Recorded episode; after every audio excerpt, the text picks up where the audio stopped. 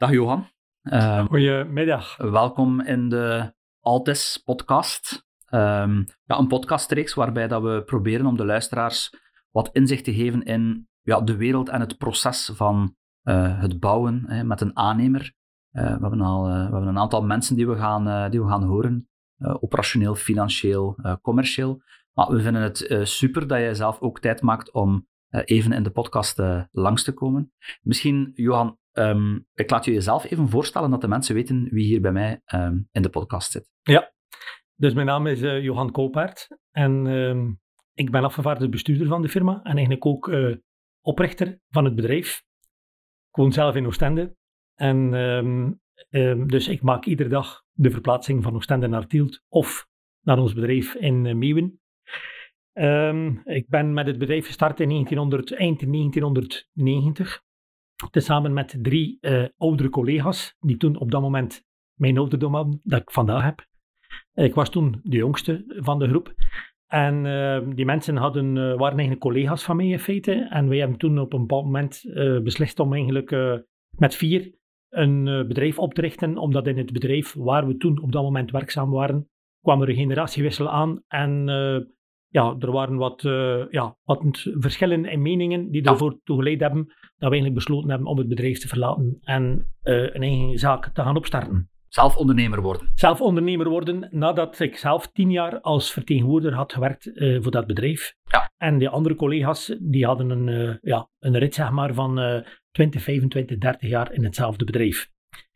Die mensen zijn daar in principe bijna allemaal op een 60-jarige leeftijd uitgestapt. Dus dat betekent dat wij intussen ook een generatiewissel hebben meegemaakt in ons bedrijf. Waarvan ik dus nu op vandaag nog de enige overblijvende oprichter ben. Ja. En uh, waarbij dat we dus vandaag in ons bedrijf nog met vier mensen uh, mede zijn. Maar dat zijn mensen die in de loop van de tijd bij ons komen werken zijn en die ja. zich ook geparticipeerd hebben in de firma. Ja, ik ga ervan uit dat de rol die jij invult heel gevarieerd is, dat je met heel veel aspecten uh, in aanraking komt. Um, ja, um, in principe is dat natuurlijk een beetje eigen aan de positie van een CEO. als je natuurlijk een klein beetje kijkt naar mijn achtergrond, die een commerciële achtergrond is, dan is het in principe altijd zo geweest dus dat er dat de, de hoofdtaak uh, van mijn bezigheden altijd wel zeer commercieel ja. en klantgericht geweest is in feite. Maar goed, ja, door de groei van het bedrijf is dat natuurlijk geëvolueerd. Zijn er andere mensen bijgekomen die het commerciële voor een stuk hebben opgenomen. En ik heb ook een van mijn vernoten, Geert, die intussen de leiding heeft overgenomen van de, het commerciële gebeuren. Ja.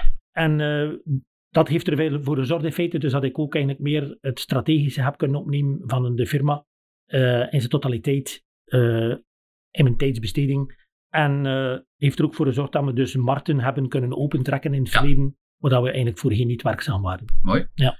Mooi verhaal. -hmm. um, misschien een, een, eerste vraag. Hè? Als je kijkt naar um, de, de, missie hè, of wat je, wat je wilt bereiken uh, met uw klanten of bij uw klanten, hoe zou je dat omschrijven, Johan? Ja, wel, uiteindelijk is het zo dus dat wij uh, er moeten van uitgaan dat ieder klant die bij ons komt, doet eigenlijk een investering om zijn eigen rendement in zijn bedrijf te kunnen verhogen. Wij zitten niet in de wereld van de woningbouw, uh, waarbij dat er uh, zeg maar emotie speelt, uh, die in feite niet rendementsgerelateerd is. Dus dat is eerder een andere tak in feite. Dus dat betekent ook dat je bij een andere klant, een ander type cliënteel komt in feite, waarbij dat in eerste instantie die persoon eigenlijk met een vraag zit. Mm -hmm. Ik wil mijn bedrijf laten groeien. Ik wil er meer rendement halen uit mijn bedrijf. Hoe kan ik dat invullen? En een van die facetten in de groei van dat bedrijf zijn bedrijfsgebouwen.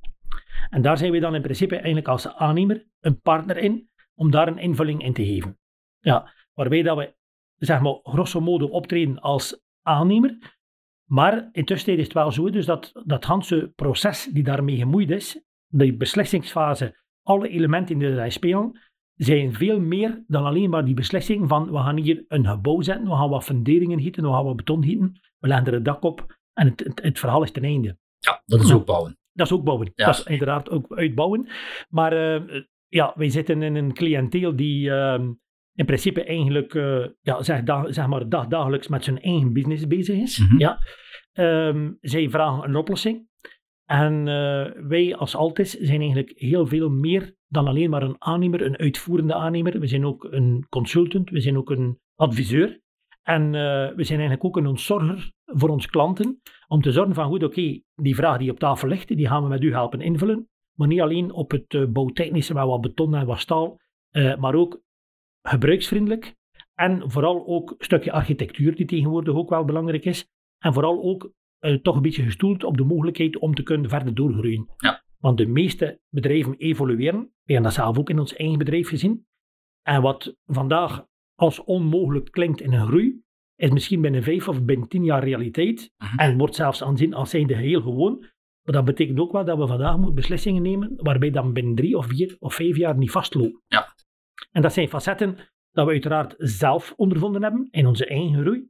Dat we ook proberen op een of andere manier over te brengen naar ons cliënteel en te zeggen van goed, oké, in het verlenen van het advies, in het uitwerken van projecten, ja, proberen dat ook op, mee op tafel te leggen en daar rekening mee te houden. Dat vind ik wel een, een interessante insteek, Johan. Dat je zegt van ja, we hebben dat zelf ook meegemaakt. Ja. Uh, heb je het gevoel, doordat je als ondernemer ook ja, sterk gegroeid bent, hè, als ik deze organisatie ja. bekijk, dat je dan je makkelijker kan inleven in hoe die ondernemer, in welke fase dat hij zit op het moment dat hij moet gaan bouwen? Um, zeker, omdat uh, ten eerste is het zo, ik ben eigenlijk zelf vrij jong en zeg maar onervaren in de business gestapt. Mhm. Tien jaar als vertegenwoordiger gewerkt, waarbij dat je puur gefixeerd bent op dat commerciële, maar dan als 28, 29 jaar neem je dan een bedrijf, of zet je een bedrijf op eigenlijk. En dan uh, zit er daar een stuk onervarenheid in ook. En um, ja, dat zie je dan in principe op het moment dat je vandaag bij een klant komt, ook een beetje afhankelijk uiteraard wie die klant is, welke ouderdom dat hij heeft, dan zie je dat misschien op een stukje het wel terugkeren. En dan Ja. zeg je goed, oké, ik was ook 28, 29, 30 jaar. Ik stond ook aan een, voor een grote uitdaging om dan een investering te gaan doen om een kantoorgebouw te gaan zetten of een productiehal of noem maar op. En dan bekijk je dat vanuit die visie, met de wetenschap dat je op dat moment hebt. Maar in de tussentijd zijn we natuurlijk ja, een heel stuk ouder geworden. Ja. En eh, heel wat ervaring. En dat is wel goed om dat ook op tafel te leggen, want uiteindelijk, op een of andere manier, had de geschiedenis zich ook wel een beetje herhalen. Ja. ja. En dan moet je ook wel een durven aangeven naar jonge mensen, dan zeggen van, kijk, let op, eh, dat zijn wel de zaken die misschien ook wel een keer op uw pad kunnen komen, die trouwens positieve zaken zijn, Mhm. maar waar je wel rekening mee moet houden. Ja, want die ondernemer die is niet enkel bezig met zijn gebouw zetten. Hè. Nee, Die- ja. Nee, want in principe is het dat eigenlijk misschien zelfs maar een onderdeel van zijn investering. Want vaak is het zo dus dat er daar nog machines moeten inkomen in dat gebouw, dat er daar heel productieproces moet opgezet worden. En eigenlijk is dat gebouw op zich daar een om, ommanteling eh, rond. In, in theorie, mocht, mocht het klimaat het toelaten, kan hij het misschien wel buiten doen. Mhm. Maar goed, in ons Belgenland kan dat niet. En ook dat product die geproduceerd wordt, laat het misschien niet toe. Eh, dus dat gebouw is daar een onderdeel van. En wij moeten vooral ook zorgen dus dat wij daar een hele sterke partner in zijn om ook te zorgen dat het eh bouwtechnisch in orde is, maar dat het in principe eigenlijk ook voldoet aan die eisen, want daar is die klant in principe niet mee bezig. Die klant denkt op zijn eindresultaat, ik moet hier mijn product kunnen uit dat gebouw krijgen, met die machines erbij, en mijn rendement kunnen verhogen. Heet dat dan economisch bouwen dat jullie doen? Eh, dat is inderdaad economisch eh, bouwen. Tegenwoordig zit daar nog een tweede woordje bij, ecologisch bouwen. Hè? Dus, eh, en het e- ene hangt tegenwoordig ook vast met het andere. Maar het is in eerste instantie eigenlijk, ja, en dat is de harde realiteit, economie, resultaat, financieel rendement. Ja. Dus dat betekent ook dat we uiteraard, we weten dat we moeten voldoen aan een hele hoop normen qua energie, qua brandveiligheid, qua noem maar op. ook een stukje architectuur, Mhm. die moet meegenomen worden. Maar daarin moeten we proberen een evenwicht te zoeken om te zorgen dat het ook nog betaalbaar blijft. Ja. Want uiteindelijk het is het allemaal wel leuk en aardig om daar een stuk luxe in te doen, maar het moet wel een return geven voor die klant. Ja, en door zelf als ondernemer daar door te gaan, Voilà. besef je Dus, dat eh, wel. Ja, Ja. de valkuilen, waar we misschien ook een keer ingelopen zijn, eh, waar we dan misschien ook een keer tegengekomen hebben, die kun je dan eigenlijk ook op die manier wel een keer op tafel leggen en zeggen, kijk, let op, dat zijn de zaken die door welke zouden kunnen die of die richting uitgaan. Ja. Dus dat betekent ook dat je op dat moment, tenminste als die klant dat ook toelaat, hè, dus als je een goede gesprekspartner zit, eh, en als je eigenlijk als partner ook dat project wilt realiseren, eh, dan denk ik dat dat ook voor die bouwheer toch wel interessant is om zo'n partner aan tafel te zitten hebben die ook die zaken durft uitspreken. En dat zal dan misschien niet altijd het leukste nieuws zijn die gebracht wordt, maar het is misschien wel de realiteit Ja. waar je dan later zal mee geconfronteerd worden. Ja. En dat is ook wel een, denk ik, van een van onze redenen waarom dat we, en misschien loop ik het nu wel een klein beetje eh, voor, maar ook een van de redenen waarom dat we heel veel terugkerend cliënteel hebben ja. omdat ze weten van goed, oké, er zijn genoeg aannemers in de wereld die, eh, die, die, die een bedrijfsgebouw kunnen zetten, die beton kunnen storten, die een dak kunnen leggen, noem maar op. Maar eigenlijk dat ze weten van goed, oké, op het moment dat we opnieuw gaan bouwen, men alle keer gebouwd met uh, Altis, men alle keer met die persoon aan tafel gezeten die ons geadviseerd heeft. Dat waren dan goede elementen dat we meegekregen hebben. Goed, we gaan nu naar een volgende fase in ons uh, levenstraject van ons eigen bedrijf.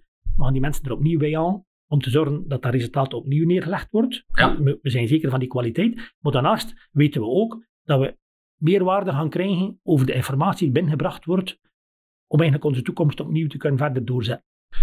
Mijn perceptie zou zijn, Johan, dat een ondernemer niet zo vaak bouwt. Hè? Dus dat Ja. die herhaal eh, Ja. hè, om ze zo te gaan noemen, dat die, dat die schaars zijn. Ze- Heb je een idee wat het percentage van eh, terugkerende klanten is bij jullie? Mensen Ja, die... Eh, wij houden dat heel goed bij. Dus instroom van eh, adressen wordt heel goed bewaakt en geoordeeld en beoordeeld. En in principe durf ik vandaag toch zeggen dus dat we toch wel ruim 50 tot 60 procent van onze klanten hebben die terugkerend cliënteel is. En Ja. dat zal dan niet zo zijn dat ze ieder jaar gaan bouwen, maar er zitten ook klanten bij, bij een aantal klanten die per twee of per drie jaar bouwen. Maar wij hebben ook klanten dat we gebouw zetten, dat we dan vijf tot tien jaar van die mensen eh, niks horen. Maar die dan in principe toch een bouwen en dan die opnieuw aan tafel komen. Of dat zelfs de volgende generatie intussen het bedrijf overgenomen heeft en die zegt, goed, oké, ik was toen jong, op dat moment werd er gebouwd met Altis, we gaan opnieuw bouwen, we roepen ze opnieuw binnen, om uiteindelijk eh, ja, Mhm. de project, project opnieuw te realiseren. Dat en referenties, mensen die jullie Uiteraard, eh, het is natuurlijk wel zo in feite, dus dat heel veel van ons nieuw cliënteel eh, wordt in principe eigenlijk eh, binnengebracht door mond-aan-oor reclame. Ja. En ehm, dat zijn de beste referenties in Mhm. feite, want laten we eerlijk zijn, eh, advertenties en dergelijke zaken, dat is wel goed om een stukje naambekendheid neer te zetten in Ja. feite, maar dat zijn eigenlijk geen referentiegegevens eigenlijk. Ja. Dus vooral het, de projecten waar je aan het bouwen bent, zorgen dat die goed verlopen, dat die mensen waar je aan het bouwen bent, dat die ook tevreden zijn. En dat die in principe zelfs al tijdens het bouwproject eigenlijk een ambassadeur voor u aan het worden zijn. Ja. Want uiteindelijk zien we ook wel dat heel veel klanten die met bouwplannen zitten, toch ook een keer gaan kijken naar projecten. Die bij wijze van spreken de zaterdag, de zondag een keer rondrijden op een industriezone, kijken wie is er hier aan het bouwen, hoe ziet dat eruit, dat is een mooi gebouw, ligt die werf proper, noem maar op, al die Ja. zaken. En als ze dan toevallig die bouwheer tegenkomt, ja, dan heb je twee zaken. Oftewel is die man zeer tevreden en maakt hij voor u reclame en zorgt hij er ook voor dat die eventuele potentiële klant u contacteert. Ja. Of als hij op dat moment ontevreden is, kan het ook zo zijn dat dat dan met de eerste keer een afknakker is, Ja. waardoor dat die persoon gewoon zelf met u geen contact opneemt. Oké. Dus, eh, dus eigenlijk een, een, een objectieve manier om ehm, eh, de kwaliteit te gaan, of de samenwerking, of de kwaliteit van een samenwerking te gaan evalueren, zijn voor, wel, voor mij wel die returning clients. Hè? Mensen die terugkeren. Uiteraard. Eh, ja. Want het is makkelijk om naar een referentie te gaan waarvan dat je weet van ja, die zal wel positief zijn over Ja. ons. Eh, maar die, die terugkerende klanten, dat cijfer vind ik wel een, een sprekend cijfer om, om te kunnen zeggen. Ja, ja. Ik durf vandaag zeggen, we zijn dus ja, nu, nu intussen al een, een paar tientallen jaar bezig, maar ik durf vandaag toch zeggen dat wij klanten hebben waar we al voor 14 of de 15e keer gebouwd hebben. Amai. Ja.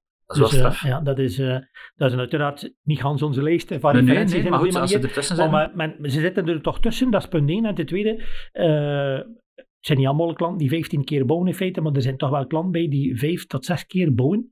Eh, dat we toch terug aan het bouwen zijn eigenlijk. Ja. Dus, eh, Nou, dat verwondert mij ook wel, dat die frequentie bij sommige mensen zo hoog kan liggen, of sommige ondernemingen zo hoog kan liggen qua Ja, bouwen. maar dat zijn dan ja, vaak oftewel mensen die echt fors met hun eigen bedrijf aan het groeien Ja. zijn, of die diversifiëren. Ja. Dus die in andere sectoren In andere ook gaan investeren in feite, en eh, die dan uiteindelijk zeggen, goed, oké, dat andere gebouw hebben we ook gedaan, Ja. met Altis, dus dat gaan we nu maar op dezelfde manier doen. Ja. Dus, ja. Er zit een heel sterke drive in u, Johan. Als ik u bezig zie, de mensen die misschien de video van de podcast gaan bekijken, gaan zien dat je een heel gedreven persoon bent. Hoe, ehm, hoe duw je zoiets door een organisatie? Ik moet zeggen, ik heb nu ter voorbereiding van de podcastreeks een aantal mensen gesproken natuurlijk, om, om eh, wat kennis te maken en, en een beetje voeling te krijgen met het bedrijf. Eh, en het valt mij op dat daar, ja, ik weet niet of je het een Altis DNA mag noemen, maar daar, dat die drive daar bij iedereen wel in zit en dat dat klantgerichte, waar jij ook al zoveel naar refereert, dat dat toch iets is die, die typisch is voor de mensen waar ik al mee gesproken heb. Klopt dat? Is dat een... Ja, wel, het is eigenlijk zo, dus customer delight of klanttevredenheid is eigenlijk iets die ongelooflijk hoog in ons vaandel staat. Ja? Eh, dat is de eerste. Ten tweede probeer ik zelf, eh, het is eigenlijk geen proberen, het is gewoon een gewoonte, zeg maar, om eh, het enthousiasme van, de, van de job en het kunnen mogen samenwerken met mensen en ook te mogen projecten realiseren, probeer ik ook ten alle dagen door te zetten naar, naar onze mensen. En vooral ook altijd met de boodschap, stel jezelf voor dat u een klant bent, hoe zou u willen behandeld worden? Ja. En als je die mensen daarin meekrijgt, ja, dat ze eigenlijk een keer in de schoenen gaan staan van de klant waarvoor dat je aan het bouwen bent, dan gaan ze op een heel andere manier ook gaan uh, omgaan met de klant in communicatie, in het maken van afspraken en ook in bepaalde reacties van mensen. Ja. En uh, ik zeg altijd, als er al een probleempje is, hoe zou u daarop reageren als klant? Moet je in de plaats van de klant staan? Mhm. En dan voel je wel dus dat die mensen daar op een andere manier gaan mee, uh, mee omgaan in feite. En dat zorgt er wel voor in feite dus dat je toch die dynamiek in krijgt van jongens, we moeten niet echt klantgericht gaan. Ze weten ook allemaal dat ons percentage terugkerend cliënteel zeer hoog is. Het is ook zo in feite dus dat wij met heel wat klanten zitten die op het moment dat ze een tweede of een derde bestelling doen, die zeggen van alsjeblieft, stuur mij dezelfde mensen van de vorige keer. Dat was een prachtige ploeg die hier gemonteerd heeft, of die hier betonwerk gedaan heeft. Kan een pracht van een projectleider, waar we heel goed kunnen mee te samenwerken. Mogen we alsjeblieft vragen om diezelfde team, dat diezelfde club opnieuw te hebben, want dat is toen leuk en aardig verlopen, dat willen we opnieuw. En dat geeft ook wel ehm, enorme motivatie voor die mensen zelf, zelf ook in het bedrijf, dat ze zeggen van, oké, dat was de vorige keer prettig. Ja. Het is een stukje fierheid dat je daarmee creëert in je, je team eigenlijk. En uh, dat is op zich... Uh, ja. ja, tof voor u, maar ook tof voor de mensen. Hè. Ik denk dat dat wel, ja. dat dat wel een, een ja. e iemand kan zijn ego strelen, dat er terug gevraagd wordt om dezelfde projectmanager en dezelfde team te gaan... Uh, zou je zelf zijn? Gaan ja, nee, absoluut, absoluut. Maar ik vind dat wel straf. Um, de mensen die ik gesproken heb, zijn, de mensen zijn, zijn vaak het directieniveau, maar mensen die hier... Allee, toch al lang werken, hè, die, die er graag werken. Uh, Zijpelt dat ook door, doorheen de organisatie? Ja. Hebben ja. jullie... Wij hebben uh, heel wat medewerkers uh, die in principe eigenlijk al jaren werken. Ja. dat zijn mensen met ongelooflijke expertise, dat ze intussen dit opgedaan hebben. Dat zijn eigenlijk ook zeg maar, de steunpilaren van ons bedrijf. Mm -hmm. En dat zijn ook wel de mensen op het moment dat het een keer minder vlot loopt, ja, dat je ook 200% kunt opbreken. Die dus niet op de vlucht staan, die niet van de boot springen of van de trein afstappen in feite. Echt van die kerels, die, uh, de killers die echt ja, doorgaan. en uh, wat je echt ook kerken kunt opbouwen, zeg maar. Ja, dus, uh, om het in bouwtermen te om houden. Om het in bouwtermen te ja, zeggen, ja. Nee. ja, ik, vind Dat, ik vind dat echt wel een sterk. Heb je het gevoel dat dat, dat dat een sterkte is van, ja. van Altis als je het vergelijkt met co collega's in de Zeker sector? Weet, ja, wij kennen uiteraard en we horen natuurlijk ook welke links en rechts hoe dat een beetje draait bij collega's. En er zijn een aantal bedrijven die echt met dezelfde DNA zitten. Ja. Dus met een goede, goede team in feite. Maar af en toe hoor je natuurlijk ook wel een keer dat er bedrijven zijn waar het echt, duivenkot is. Ja. Of een kippenhok eigenlijk. Maar dat heeft uiteindelijk, uiteindelijk ook allemaal te maken, denk ik, in eerste instantie met, uh, met de eigenaar zelf. Ja. Ja. Dus hoe zit je er zelf in? Hoe kijk je zelf naar mensen? Mm -hmm. Hoe waardeer je ook mensen? Hoe motiveer je mensen in feite? En je moet er altijd rekening mee houden in feite, dus dat die mensen eigenlijk, die mensen zijn niet met u getrouwd. Nee. Ja. Dus uh, dat betekent dat die mensen het in principe eigenlijk altijd voor u ook doen. Ja. ja. En als dat ook zo is in feite, dan mag dat ook wel een keer gezegd worden. En dat hoeft zich niet altijd te uiten met het financiële, maar dat kan ook een keer een schouderklop zijn, of Ja, een goede dag, of een goede avond, of een bedankje. Kost geen geld, vriendelijkheid kost geen geld, en daar kun je heel veel mee bereiken. Appreciatie, Appreciatie. communicatie. Ja. Nog manieren waarop dat je het, het DNA van Altis zou omschrijven? Ehm, ja, in principe eh, dat mensen eigenlijk met capaciteiten alle mogelijkheden krijgen om door te doen. Ja. ja dus daar uh, allee, zijn wij toch wel, uh, allee, staan we daar heel hard voor open in feite. Ja. En we hebben dat ook gezien in ons verleden. Wij hebben hier een aantal mensen die eigenlijk uh, op bepaalde echelons binnengekomen zijn in ons bedrijf. En als je dan hun traject ziet, van waar dat ze komen, hoe dat ze geroeid zijn, oftewel in hun job met ongelooflijk veel expertise, Mhm. oftewel zelfs in de organisatie, in beide richtingen, ja, dan heb je toch wel een paar kraks zitten eigenlijk. Ja. En uiteraard moet dan ook als bedrijf openstaan om die mogelijkheden ook te bieden eigenlijk. Mhm. hè, want je kunt wel zeggen, goed, oké, ze zitten goed op die plaats, maar als daar problemen Ja. houden in feite, waardoor dat je ze eigenlijk inkrimpt, ja, dat wil daarvoor niet zeggen dat iedereen moet groeien in de hoogte in de organisatie, het kan ook in de breedte zijn. Mhm. Ja. Maar als ze die mogelijkheden hebben, en ze nemen ook dat eigenaarschap op om dat Ja. te, uh, om te zetten in de praktijk, Ja. dan moet je ook laten. De kansen zijn er, maar je moet ze grijpen. Moet ze grijpen eigenlijk. Ja. Ja. Het is een beetje off-topic, hè, want eigenlijk waren we bezig over de aannemer en, Ja. en het proces van de aannemer, maar ik denk dat dat ook wel de cirkel rond maakt. Hè, want als je dan mensen hebt die gemotiveerd zijn, dan leveren ze opnieuw wel goed werk bij een klant. De klant is tevreden en zo ga je eigenlijk die cirkel rond gaan En zo eh, werkt het, ja, inderdaad. Ehm, voordat we afsluiten, eh, Johan, is er iets wat je graag meegeeft aan een luisteraar? Hè? Iemand die, die zegt van ja, ik, ik, ik ben wel geïnteresseerd in die aannemerswereld om te weten hoe dat gaat werken. Ik ben misschien van plan om te bouwen. Misschien ben ik van plan om in die sector iets te gaan doen qua job. Misschien naar klanten toe. Hè. Wat zou voor jou een, een, een, boodschap zijn die je wilt meegeven in de podcast naar potentiële klanten toe? Wel, um, ja, ik denk dat mocht, ik zelf als klant moeten bouwen, en ik heb uiteraard ook al gebouwd voor mezelf, maar ik was natuurlijk dezelfde aannemer. Hè. Maar ik denk dat uh, als je eigenlijk een, een succes wil maken van je investering, dat vooral belangrijk is dus dat je de juiste goede partners kiest. Ja. En dat um, het facet prijs eigenlijk een, um, niet een facet is die bovenaan moet staan. Want uiteindelijk zien we welke vaak dat ook in onderhandelingen dat klanten dan uiteindelijk op een bepaald moment dan toch uh, kiezen voor het geld en dat dan niet altijd... Uh, allee, dus uh, dan moet het in principe op het moment dat het beslist wordt goedkoop zijn. Maar op het moment dat het in de uitvoering gaat, dan in principe heb je oftewel een partner die je loyaal is en die je blijft steunen, ook als het een keer moeilijk gaat, of als er bepaalde facetten zijn die je mislopen. Ja, um, oftewel heb je iemand die in feite à fond in eerste instantie ja, de scherp heeft moet insteken en die dan achteraf probeert op allerlei manieren rekeningen bij te maken of wat dan ook. En dat horen we wel een keer vaak. Mm Dat er ook zo'n type aannemers in de wereld zitten, waarbij dat de klant dacht goedkoop te kopen en eigenlijk duur uh, uitkomt in feite. Dus ik zou zeggen, kijk in eerste instantie dus naar welk type aannemer dat je zelf voor kiest. Uh, want eigenlijk koop je in uh, wat hij zelf bepaalt als klant. En oftewel koop je miserie in, oftewel koop je succes in. Dat is een van de twee. Dus die keuze moet je maken. Dat kun je alleen maar doen door referenties op te vragen in feite. En uh, voor de rest eigenlijk denk ik dat het uh, als aannemer of als ondernemer die met een investeringsproject zit, heel belangrijk hebt, uh, is dat je ook een partner hebt die je ontzorgt. Ja. Want eigenlijk uw kernactiviteit is nog altijd de business waarmee je bezig bent. Mm -hmm. en, en in het verleden ook al heel vaak bedrijven gezien die op het moment dat ze aan het investeren zijn, hun kernactiviteiten laten verzwakken. Okay. Waardoor dat ze op het eind van de rit eigenlijk aan de ene kant misschien door zich in dat investeringsproject wat meer vast te zetten en daar wat meer tijd en in te steken, daar een paar euro's winnen, maar dan in hun eigen business ongelooflijk veel centen verliezen. Ja. En dan is het uiteindelijk nog de vraag, ben je dan wel goed bezig? Ja. En ook misschien iets rond een mooi gebouw versus een efficiënt gebouw? ja, um, uiteraard. Uh, een stukje architectuur ten opzichte van efficiëntie. Ja, ja, uh, wat hij natuurlijk wel ziet in die. Uh, ik, zit jong, ik zit nu al ja, 30, 35 jaar in die business eigenlijk. Dat is dat ehm, de eisen op het niveau van architectuur toch wel een stuk verhoogd zijn. Ja. En daarin kun je ehm, ja, vaak heel mooie zaken realiseren. maar de vraag is altijd: waar ligt de grens tussen luxe en efficiëntie en ook rendement? En wat wij zien, dat is dat, er, dat de evolutie de laatste jaren enorm uh, daarin uh, veranderd is. Er wordt heel veel meer aandacht besteed aan uitzicht, aan architectuur. Ja. Uh, maar wat we ook af en toe wel zien, is dat less is more. Ja. Ja. En daarin moet je een klein beetje kijken van, goed, wat kan er gerealiseerd worden? En uiteraard ook een stukje met een stukje standaardisatie, om daar een goed evenwicht in te, te bezorgen.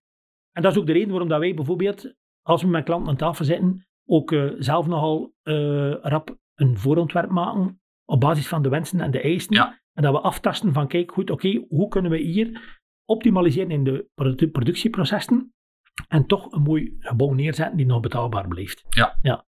En daarin gaan we misschien dan een klein beetje schelen ten opzichte van een extern adviseur of ten opzichte van een architect, omdat een architect uiteraard vanuit zijn DNA zeer uh, kijkt naar het uiterlijk van het gebouw maar in de regel misschien iets minder rekening houdt met de productieprocessen om die materialen ook daar op die werf te krijgen en te standaardiseren. En daarin proberen wij ook vanuit de kant van Altis goed evenwicht te behouden en te zeggen tegen die klant van kijk goed, architectuur heel belangrijk, hoe kunnen we dat uh, met een aantal optimalisaties en materiaal ja. daar een antwoord op geven?